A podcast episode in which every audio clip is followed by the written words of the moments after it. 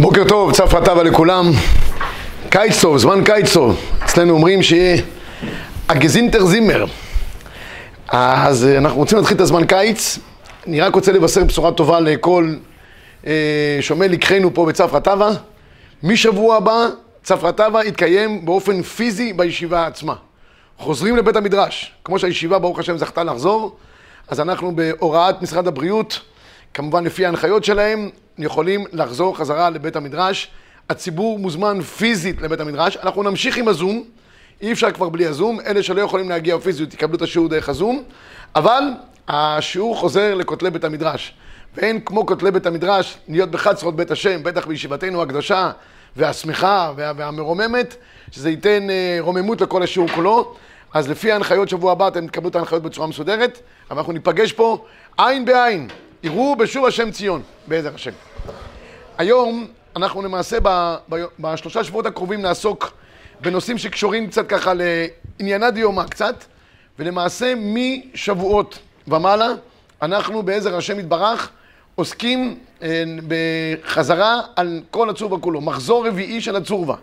כמו שחוזרים על הש"ס, אנחנו נחזור ארבע שנים הבאות על כל מחזור הצורבה כולו.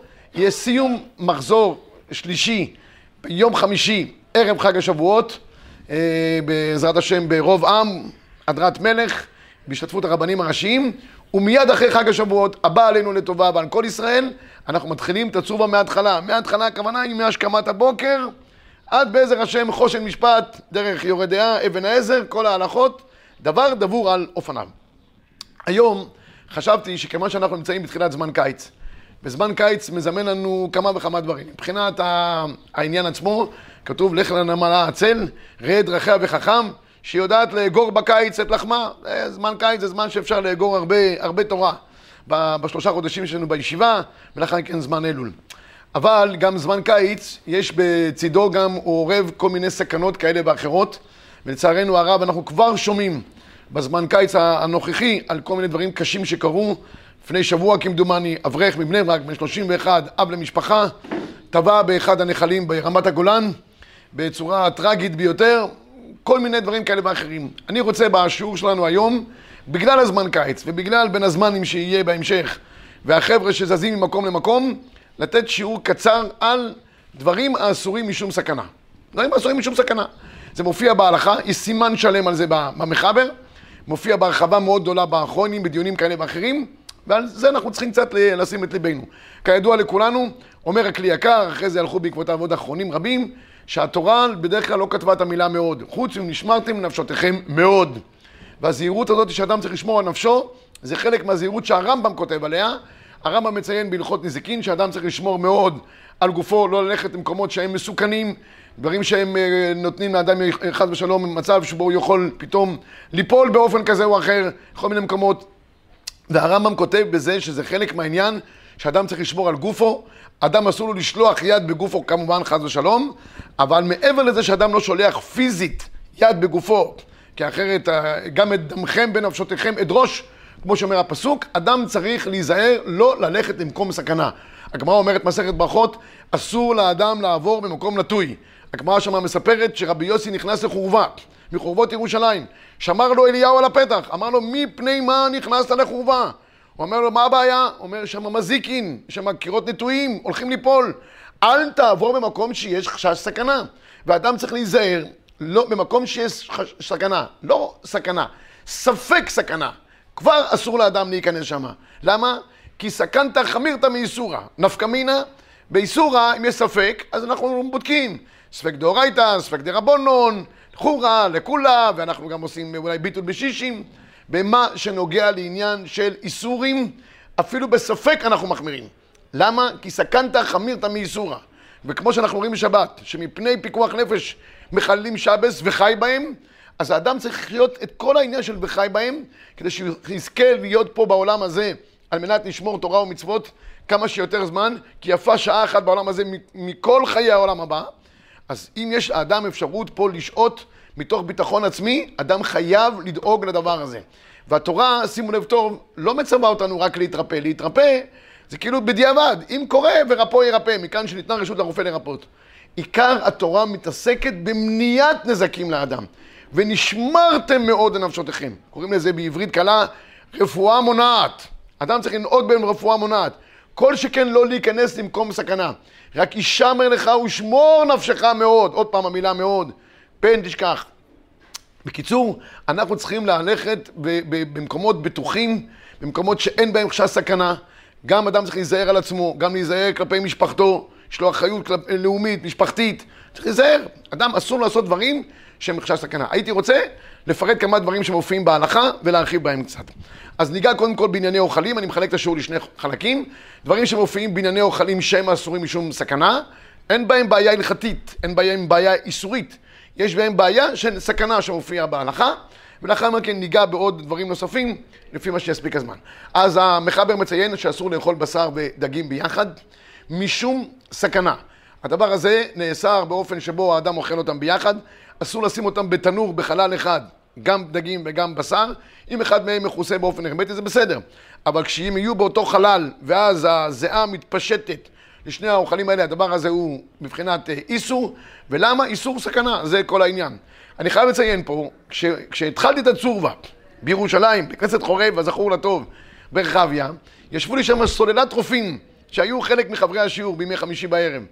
ואז כשאמרתי, את ה... הגענו להלכות האלה שדברים אסורים משום סכנה, כשאמרתי להם אסור לאכול בשר עם דגים ביחד, אסור, הכוונה היא שלא יהיה שאריות דברים שהם באין. הרים רופא אור, ראש מחלקת אור בהדסה עין כרם. אמר לי, תשמע, פילה פלואים.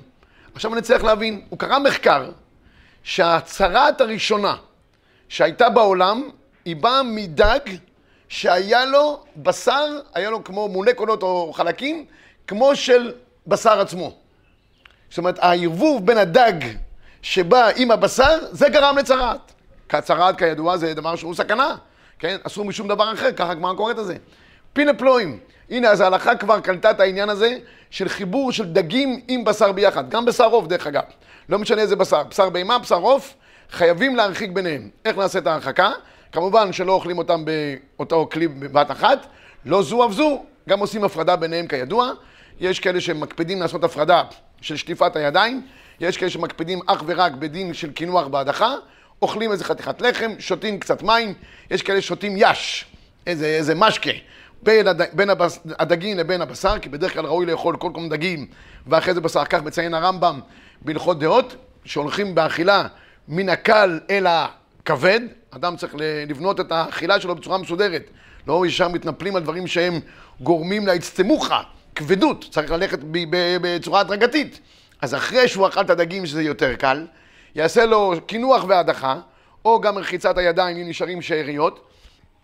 מי שהספרדים מקפידים בזה יותר, נחוץ הידיים אשכנזים רק קינוח והדחה, ולאחר מכן יכול לאכול את, את, את הבשר בלי שום בעיה. כמובן שמבחינת בישול של דגים ובשר בכלים, באותם כלים, לא ביחד, אבל באותם כלים, אפילו שהכלים בלויים מהדבר אחר. זה לא איסור, זה לא כמו שאני לוקח סיר חלבי, מבשל בו אה, בשר, ואז אם זה נותן טעם הכל נאסר, הסיר והבשר וכולי וכולי. לא. כל מה שאסרו זה דברים שהם בעין. אם הסיר רק בלוע, נשאלתי בסיר בשר, ואחרי זה אני רוצה, אכן ניקיתי אותו, אין שאריות, ואחרי זה אני רוצה לבשל בו דגים, אין שום בעיה. זה לגבי בשר ודגים שצריך להיזהר בהם משום סכנה. עוד דיון מעניין מאוד שמופיע בפוסקים סביב העניין של סכנה באכילת שני דברים ביחד, דגים וחלב. למה זה מעניין? כי הבית יוסף ביורה דעה בסימן פ"ז מזכיר את זה. מביא בשם ארוחות חיים ועוד, שיש איסור לאכול דגים עם חלב ביחד, כיוון שזה גם מביא לצרעת. צרעת זה דבר שהוא סכנה, דבר אחר. המחבר מביא את זה בבית יוסף, אבל לא מביא את זה בשולחן ערוך. דגים ובשר, בסימן שהוא אומר שהדברים האסורים משום סכנה, הוא מביא. אבל דגים וחלב, הוא לא מביא. ואז השאלה אם הוא פסק או לא פסק. באופן פשוט, הספרדים נהגו להחמיר בדבר. ספרדים לא אוכלים דגים עם חלב. אני זוכר, ישנו בישיבה התיכונית, היו מביאים גבינה שמנה, והאשכנזים לידינו היו שמים על זה טונה. מפזרים על זה טונה ככה, ואוכלים כמו איזה מעדן. ואנחנו איננו, הספרדים איננו קלות, ולא יכולים לגעת. למה? בית יוסף הזכיר, נגמר העניין. אז אנחנו באופן עקרוני מקפידים, ולכן יש הרבה כשרויות שהן כותבות שם בהכשר שלהן, בהכשר של פיצה, אין לשים על הפיצה אנצ'ובי, קוראים לזה אנצ'ובי אני חושב. אנצ'ובי זה טונה, לא, לספרדים, אם ספרדים, לא שמים לו. אבל אני חייב לציין שיש לי כמה חברים בחו"ל, ששם בכמה וכמה קהילות ספרדיות אותנטיות. חלבים, חלבים זה ספרדים הכי אותנטיים שיש, לא מקפידים בעניין הזה של דגים וחלב. ונותנים כשרות לחבר אותם ביחד, ואוכלים אותם ביחד בלי שום חשש. אולי בגלל שהם סמכו על זה שהמחבר לא הביא את זה להלכה. אבל יש כאלה ספרדים שמקינים בעניין. מי שאין לו קבלה מיוחדת בעניין, מנהג הספרדים הפשוט להחמיר בדבר, ולא לאכול דגים וחלב ביחד. אני כאן חייב לציין מצד שני, שיש חתם סופר. חתם סופר כותב, שבאמת אין הכי נמי, לכאורה הדבר הזה לא נפסק להלכה. אבל זה לשון החתם סופר. כיוון שיצא מפי המלך, המלך, מרן, בית יוסף, מלכי רבנן, בי מלכים ימלוכו. אני מקפיד בדבר שלא לאכול דגים עם חלב ביחד. אז יש כנזים שמחמירים, יש ספרדים שמקילים.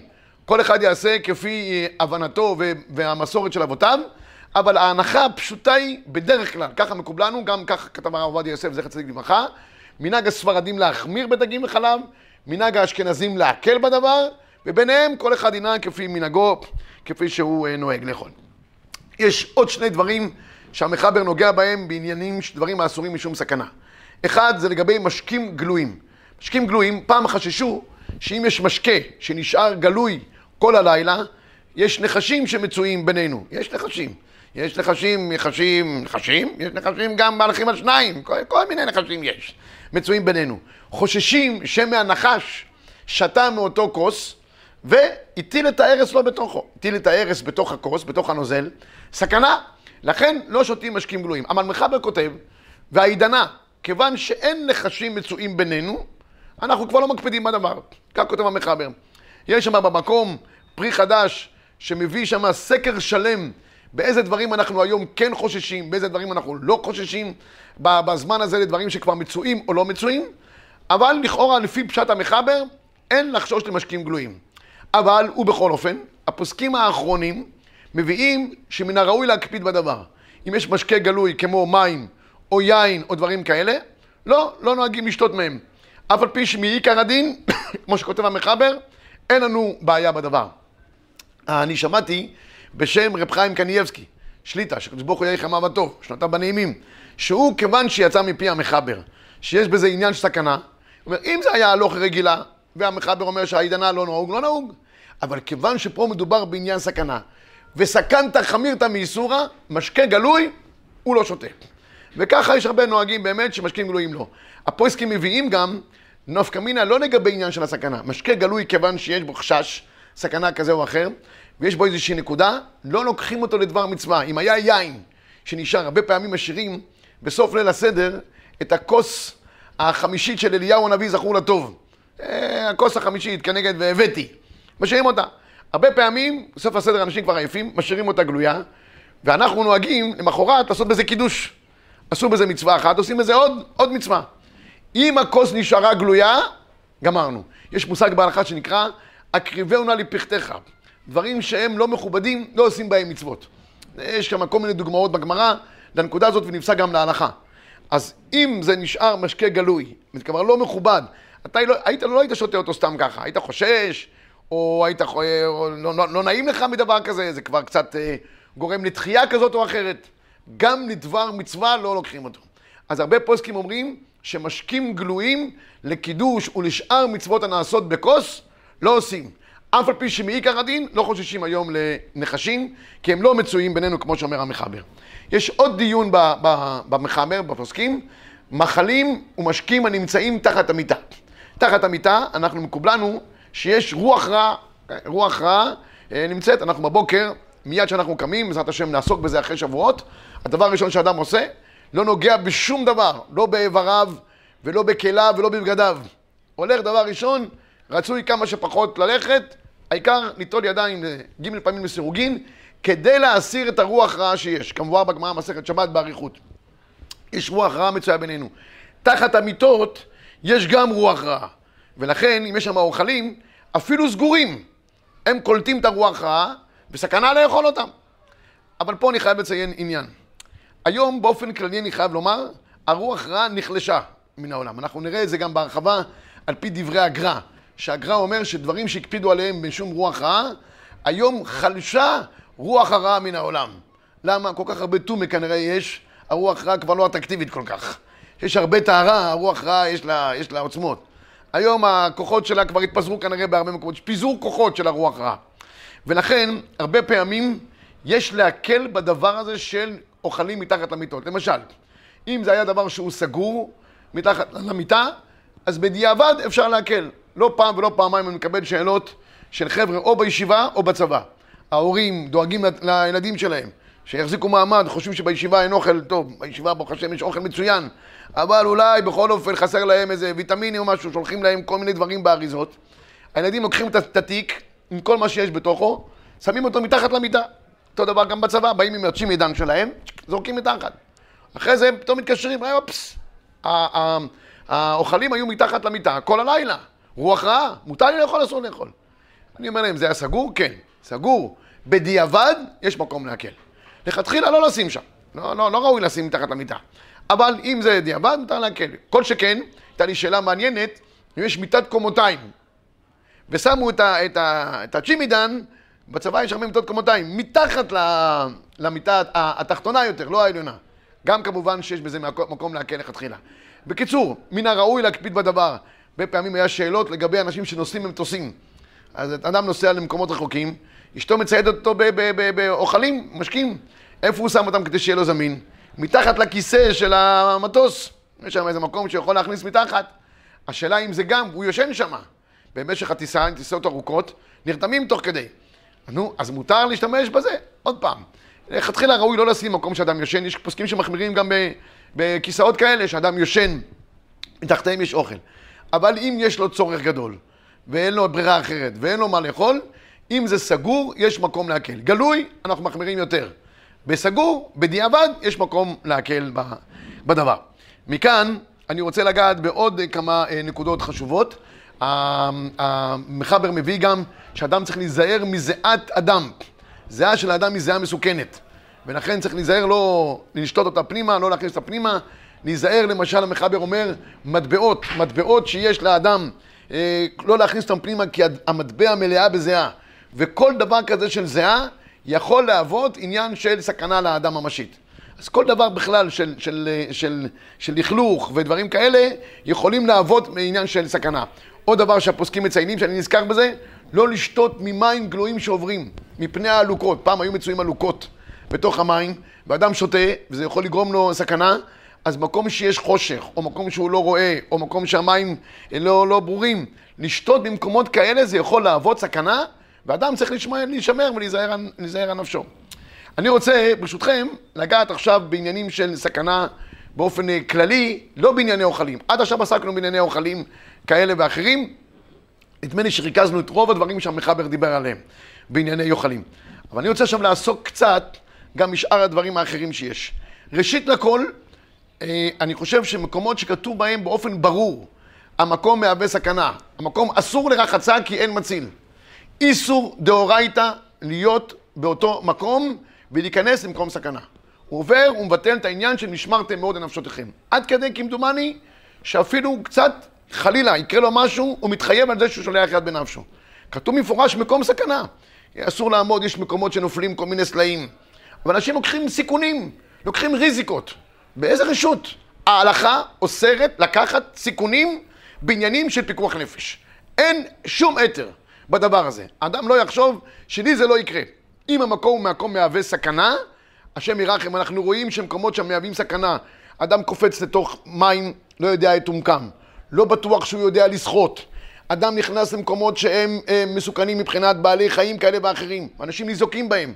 מי מרשה לך להיכנס למקום סכנה? להיכנס השם ירחם, אחרי כן לסכנה, אם יוצאים ממנה בכלל, ואם לא, יוצ... ואם לא יוצאים השם ירחם, ואם יוצאים ממנה, כמה זמן אדם אחרי זה צריך לעבור טיפולים, וביטול תורה בבתי חולים, השם ירחם, ובדיקות, ולאחר מכן לבטל את עבודת השם, בגלל סכנה אחת שאתה לוקח. אז מה הגבולות שיש? יש נודע ביהודה. נודע ביהודה דן בגבולות הגזרה שאדם יכול לקחת סיכונים בחיים שלו. כי כולנו בסופו של דבר לוקחים סיכונים.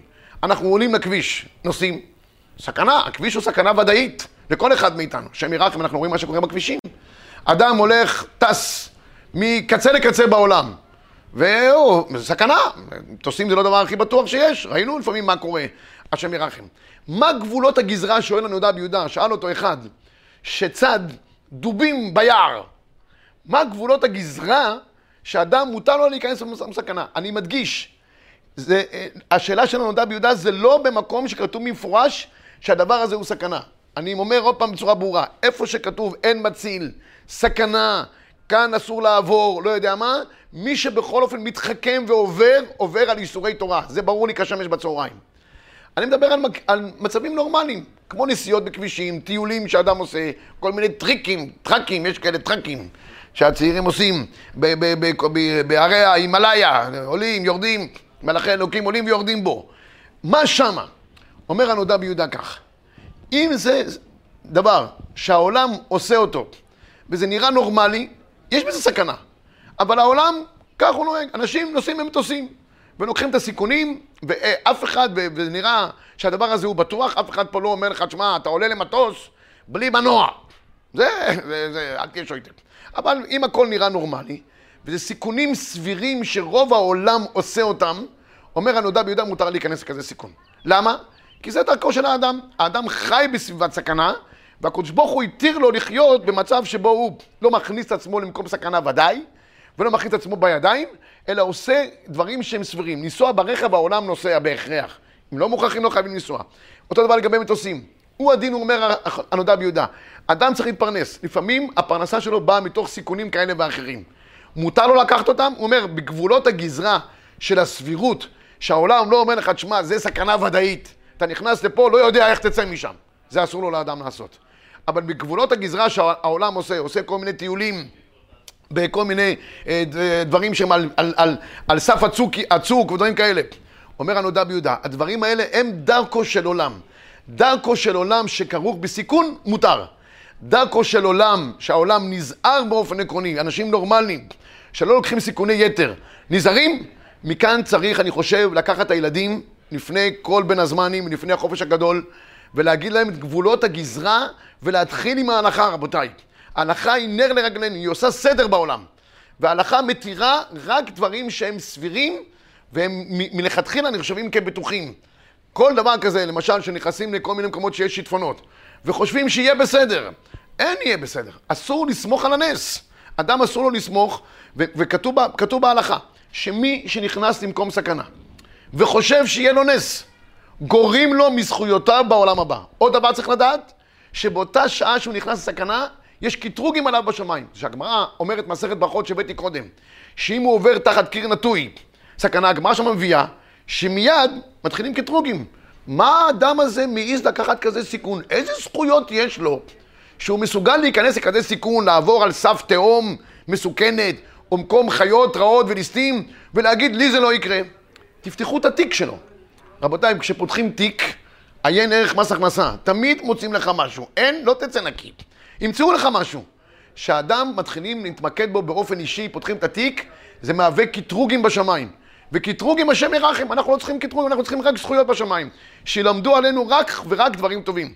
ולכן, אני חושב שאנחנו כמחנכים בישיבות, במוסדות חינוך ובמשפחה, לא להתבייש להגיד, רבותיי, לא לקחת סיכונים מיותרים, חבל על כל נפש מישראל. שבין הזמנים, חד ושלום, צריך שכולם יחזרו בטוחים למקומם בעזרת השם. דבר אחרון שניגע בו בקצרה, שיש עניין לגעת בו, אני חייב להגיד אולי עוד מילה אחת, נקודה חשובה, זה יש בספר חסידים המון דברים שאסור לעשותם משום סכנה. ספר חסידים מלא בזה. מי שעובר דירה וזה וזה וזה. יש דברים שהם להלכה, יש דברים שלמשל, תן דוגמה. אדם אסור לו לקצוץ אילן, אילן, אילן עושה פרי. אילן עושה פרי, חוץ מהאיסור של בל תשחית, שהבל תשחית נאמר על עץ עושה פרי, הגמרא במסכת במציע אומרת, זה מהווה ממש סכנה. סכנה למשפחה, השם ירחם. נדרים, אדם נודר, אומרת הגמרא, בעוון נדרים, המשפחה נפגעת. בעוון קציצת אילן, הגמרא מספרת שם סיפורים מזעזעים על משפחה אחת, שכמה ילדים, לא עלינו, לא גמרו את שנתם. אז זה, חוץ מהאיסורים שיש, אדם צריך לדעת שיש איסורי תורה שכרוכים בסכנה. לא, לא קוצצים אילן פרי. במיוחד מישהו אמר לי, עניין, תאנה, זה גם אחד מהדברים החמורים יותר. יש צורך מיוחד, תתייעצו בפוסק. צריך להרחיב את הבית, האילן הזה מהווה פגרה, אז בדרך כלל ההלכה, ככה אנחנו אומרים לאנשים, תעשה את זה על ידי נוחי. אם יש הכרח ואין ברירה אחרת, נוחי. אתה בידיים שלך אף פעם אל תקצוץ עץ פרי מפני הסכנה. אני לא אגע פה עכשיו בהרחבה בגלל זמן קצר, יש דברים שהם חוץ מהעניין הסכנה הפיזית שאסור לנו להיכנס, יש גם, אדם צריך לשמור על נשמתו ולא להכניס את נשמתו לסכנה כזאת או אחרת. איזה סכנה? אישר מלאכה ושמור נפשך מאוד פן תשכח את הדברים. אסור לאדם לגרום לעצמו לשכוח דברי תורה. יש פירוט רחב בהלכה, שזה גם פיקוח נפש דרך אגב. אישמר לך ושמור נפשך, כי הגמרא המשנה אומרת מסכת מסכת אה, אבות. כל השוכח דבר אחד במשנתו, הרי זה מתחייב בנפשו. ויש פעולות שהאדם עושה, וגורמים לו לשכחת התורה, ובזה הוא גם מתחייב על נפשו. אז זה גם כרוך בתוך כל המהלך שאמרנו היום, שאדם צריך לשמור שמירת גופו ונשמתו כדי שלא לא ייפגעו חס ושלום. אז אם אדם חלילה שוכח משנתו ולא חוזר, יש דברים שאדם עושה אותם, כמשל הסתכלות על פני, על פני המת שגורם לשכחת התורה, לאכול זיתים בלי שמן זית, גורם לשכחת התורה. יש כמה וכמה דברים, יש איברים מסוימים בבהמה שאדם אוכל שגורם לשכחה.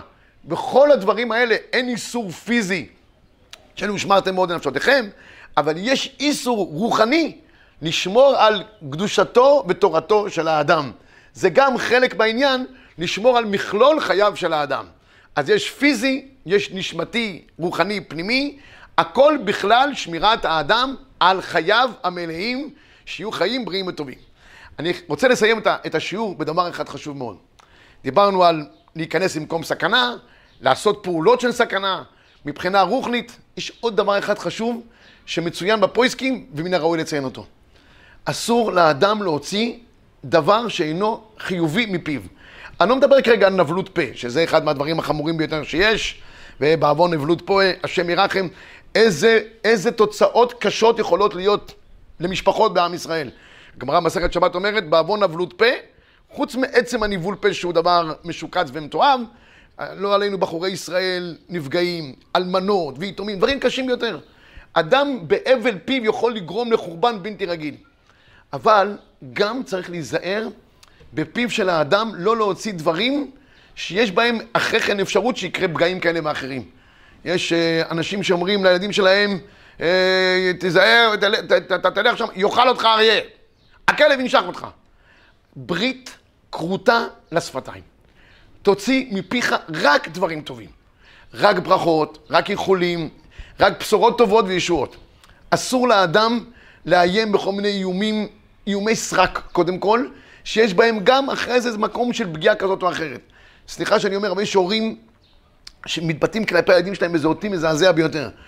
אני אהרוג אותך. מה זה הדבר הזה? מאיפה יצא המשפט הזה שהורים... אני אתלה אותך. האמא היא בית דין של סנהדרין של 23 שיכולה לעשות ארבע מיטות בית דין, סקילה שרפה. מה, מה, לא, לא מתבטאים כך, לא בצחוק וגם לא בכעס. הכועס, יש עניין לפעמים שאדם כן צריך, להתבטא בצורה חיובית. ברית כרותה לשפתיים. כל מילה שאדם עושה, מדבר, וחלילה יש בזה עניין של פגיעה רעה, חלילה זה יכול להתגשם באופן כזה או אחר. נבואה שמגשימה את עצמה. אנחנו צריכים תמיד לדבר באופן חיובי, באופן שהדברים מהווים בנייה, הארה, האדם עם הפה שלו יכול להעיר דברים בצורה בלתי רגילה. לא לחינם ראינו בשבוע שעבר את כל העניין של הוצאת שם רע ומדבר לשון הרע, שבסוף זה גורם לחושך. אדם עם פיו יכול להחשיך עולם, אדם עם פיו יכול להעיר עולם. וההערה הזאת היא באה מתוך ברכה, גם בשעות כאלה ואחרות שהן קשות לפעמים. אדם צריך להתבטא, תמיד להתבטא חיובי. זה חלק משמירת גופו ונפשו של האדם שלו, של משפחתו ושל כלל ישראל. אז היום, ברוך השם, זכינו לעבור על, ה, על החובה הקדושה הזאת, להישמר לך ושמור נפשך מאוד, לרפואה מונעת, לעשות ספורט, כדי שאדם יהיה בריא ולא יהיו כל מיני תקלות כאלה ואחרות, כי זה מבטל הרבה תורה, כל התקלות האלה. ולאחר מכן, השמירה היומיומית הפיזית לגופו ונפשו של האדם, שתמיד נשמע ונתבשר בשורות טובות, ישועות ונחמות. יישר כוח.